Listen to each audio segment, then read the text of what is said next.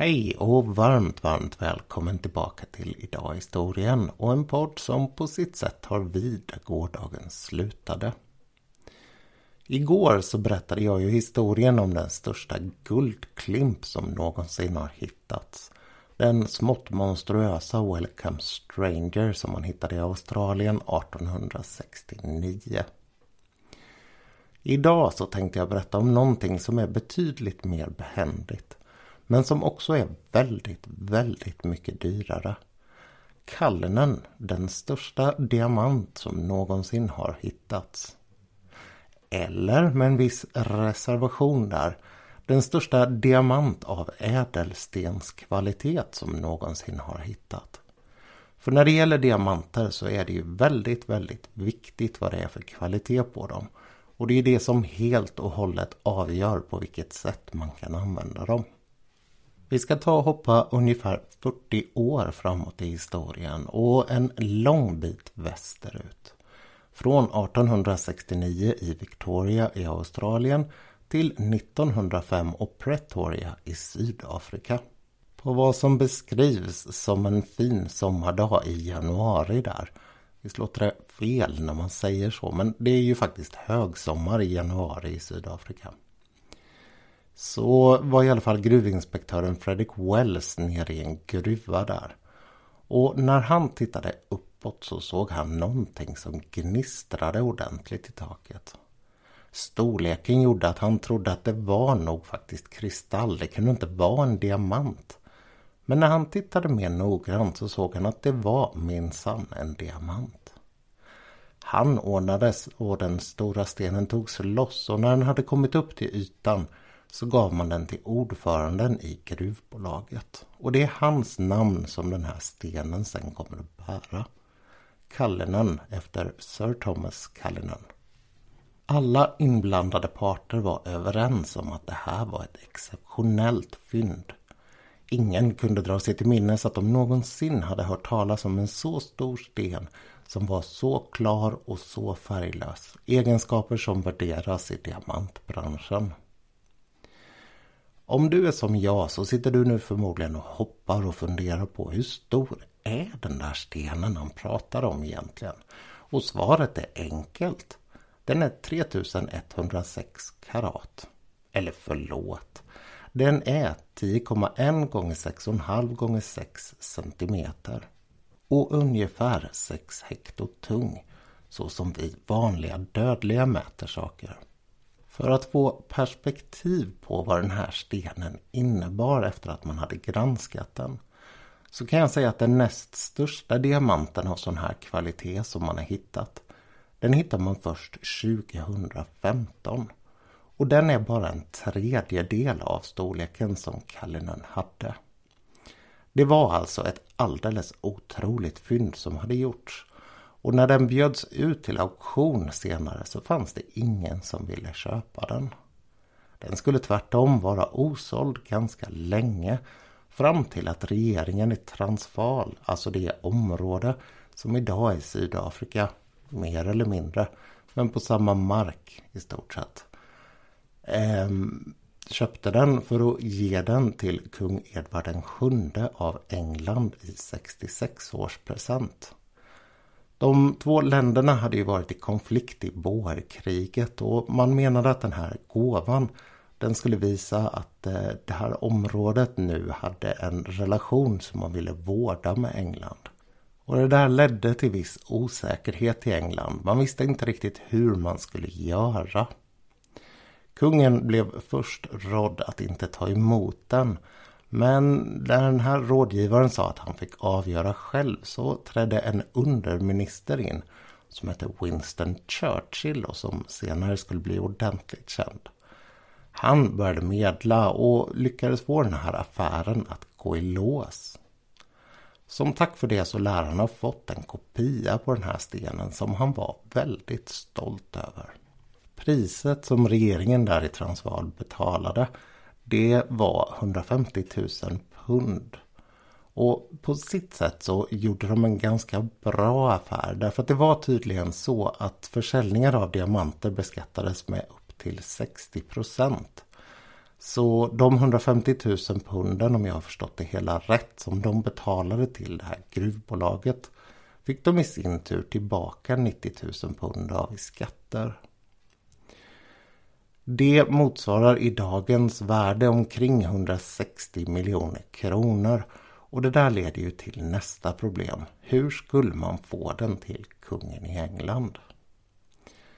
Jo då, man gjorde på det gamla vanliga sättet. Man försökte hålla ordentligt tyst och sen så tog man den här stenen och förde den till ett välskyddat skepp som sen körde raka spåret hem till England. Det hela gick bra. Den ska ha varit inlåst i kaptenens hytt. Och inga konstigheter skedde. Inga pirater eller andra som försökte ta den. Men det där var faktiskt bara en rökridå och bluff. I verkligheten så hade man tagit den här 160 miljoner kronor stenen och stoppat den i ett vanligt slätt paket som man satte ett frimärke på och postade hem till London. Är det inte underbart vilken tilltro man hade till världens postväsende? Jag sitter just nu och väntar på att få reda på vart en bok har tagit vägen som jag har postat från Jönköping till Solna. En betydligt kortare väg än från Pretoria till, eller ja, Johannesburg skickades den väl ifrån, till London. Och ett betydligt mindre värde. Väl framme så tog kungen emot den här och då kom nästa problem. Vad skulle man göra med den? En så stor sten måste ju hanteras av en expert. Och man började genast att fundera på vem som var mest lämpad att slipa den stora stenen. Uppdraget det hamnade till slut hos bröderna Ascher i Amsterdam. Och de var kända för att de några år tidigare hade kluvit en sten som kallas för Excelsior. Den var på 995 karat och ungefär en tredjedel alltså av Kallinen. När man skulle skicka stenen den här gången så gjorde man på samma vis som man tidigare hade sagt. Man tog ett stort fartyg från flottan, man låste in den här stenen och sen seglade det iväg till Amsterdam. Men som ni känner igen mönstret här nu så var det bara en bluff. Den ena av bröderna, Abraham Ascher, han tog stenen, stoppade den i fickan och satte sig på tåget hem till Amsterdam. Jag menar, det var ju bara den största diamant som någonsin hade hittats. När han kom fram så lämnade han stenen i uppdrag till sin bror Josef att klyva. Han studerade den under två veckor för att fundera ut på hur man bäst skulle lägga snittet. Som jämförelse så kan man säga att den här stenen som man hittade 2015 och som är den näst största stenen av ädelstenskvalitet. Den spenderade man 18 månader med att undersöka eh, med datormodeller för att lista ut hur den skulle klyvas. Josef han litade istället på sin hantverksskicklighet och efter två veckor så satte han bladet i den. Men det gick av. En vecka senare så var han tillbaka med ett större blad och historien berättar ofta att när han väl hade lagt det första snittet, eller hugget ska man väl snarare säga. Det finns en bild som jag gissar är lite iscensatt som visar hur det ska ha sett ut. Men i vilket fall som helst så berättar historien att han lär ha svimmat av anspänningen när han gjorde det här. Enligt familjen Ascher i efterhand så är det här inte sant. Det finns ingen i deras familj som skulle reagera på det sättet utan snarare så lär han ha kluvit stenen med perfekt resultat såklart och sen firat med ett glas champagne. Hur det egentligen såg ut det kommer vi aldrig att få veta. Men vad vi vet det är vad man gjorde med den här stenen efter att den väl hade delats. Den delades i nio större och 97 mindre delar. Och de två största de döptes till Kallinen 1 och 2. De skulle engelska kungen ha tillbaka. De sju andra större stenarna de kallas Kallinen 3 till 9 de fick bröderna Ascher behålla som betalning. Och de här 97 mindre bitarna som var lite skröfsår, så, de sålde man också. Med tiden så skulle dock alla de nio stora stenarna på olika sätt hamna hos den engelska kungafamiljen. Trean och fyran de såldes till Edvard vid ett senare tillfälle som gav dem till sin hustru Alexandra. Och de återstående fem de gick vägen tillbaka till Sydafrika innan de återigen gavs men, i den här, men den här gången i slipad form till den engelske monarken. Att diamant är hårt, det skapade inte bara problem när man skulle klyva den här stenen första gången. Utan även när man skulle slipa fram de här finare stenarna sen.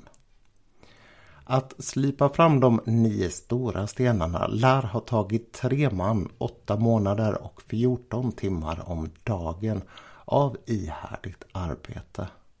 Och resultatet sitter idag i de brittiska kronjuvelerna.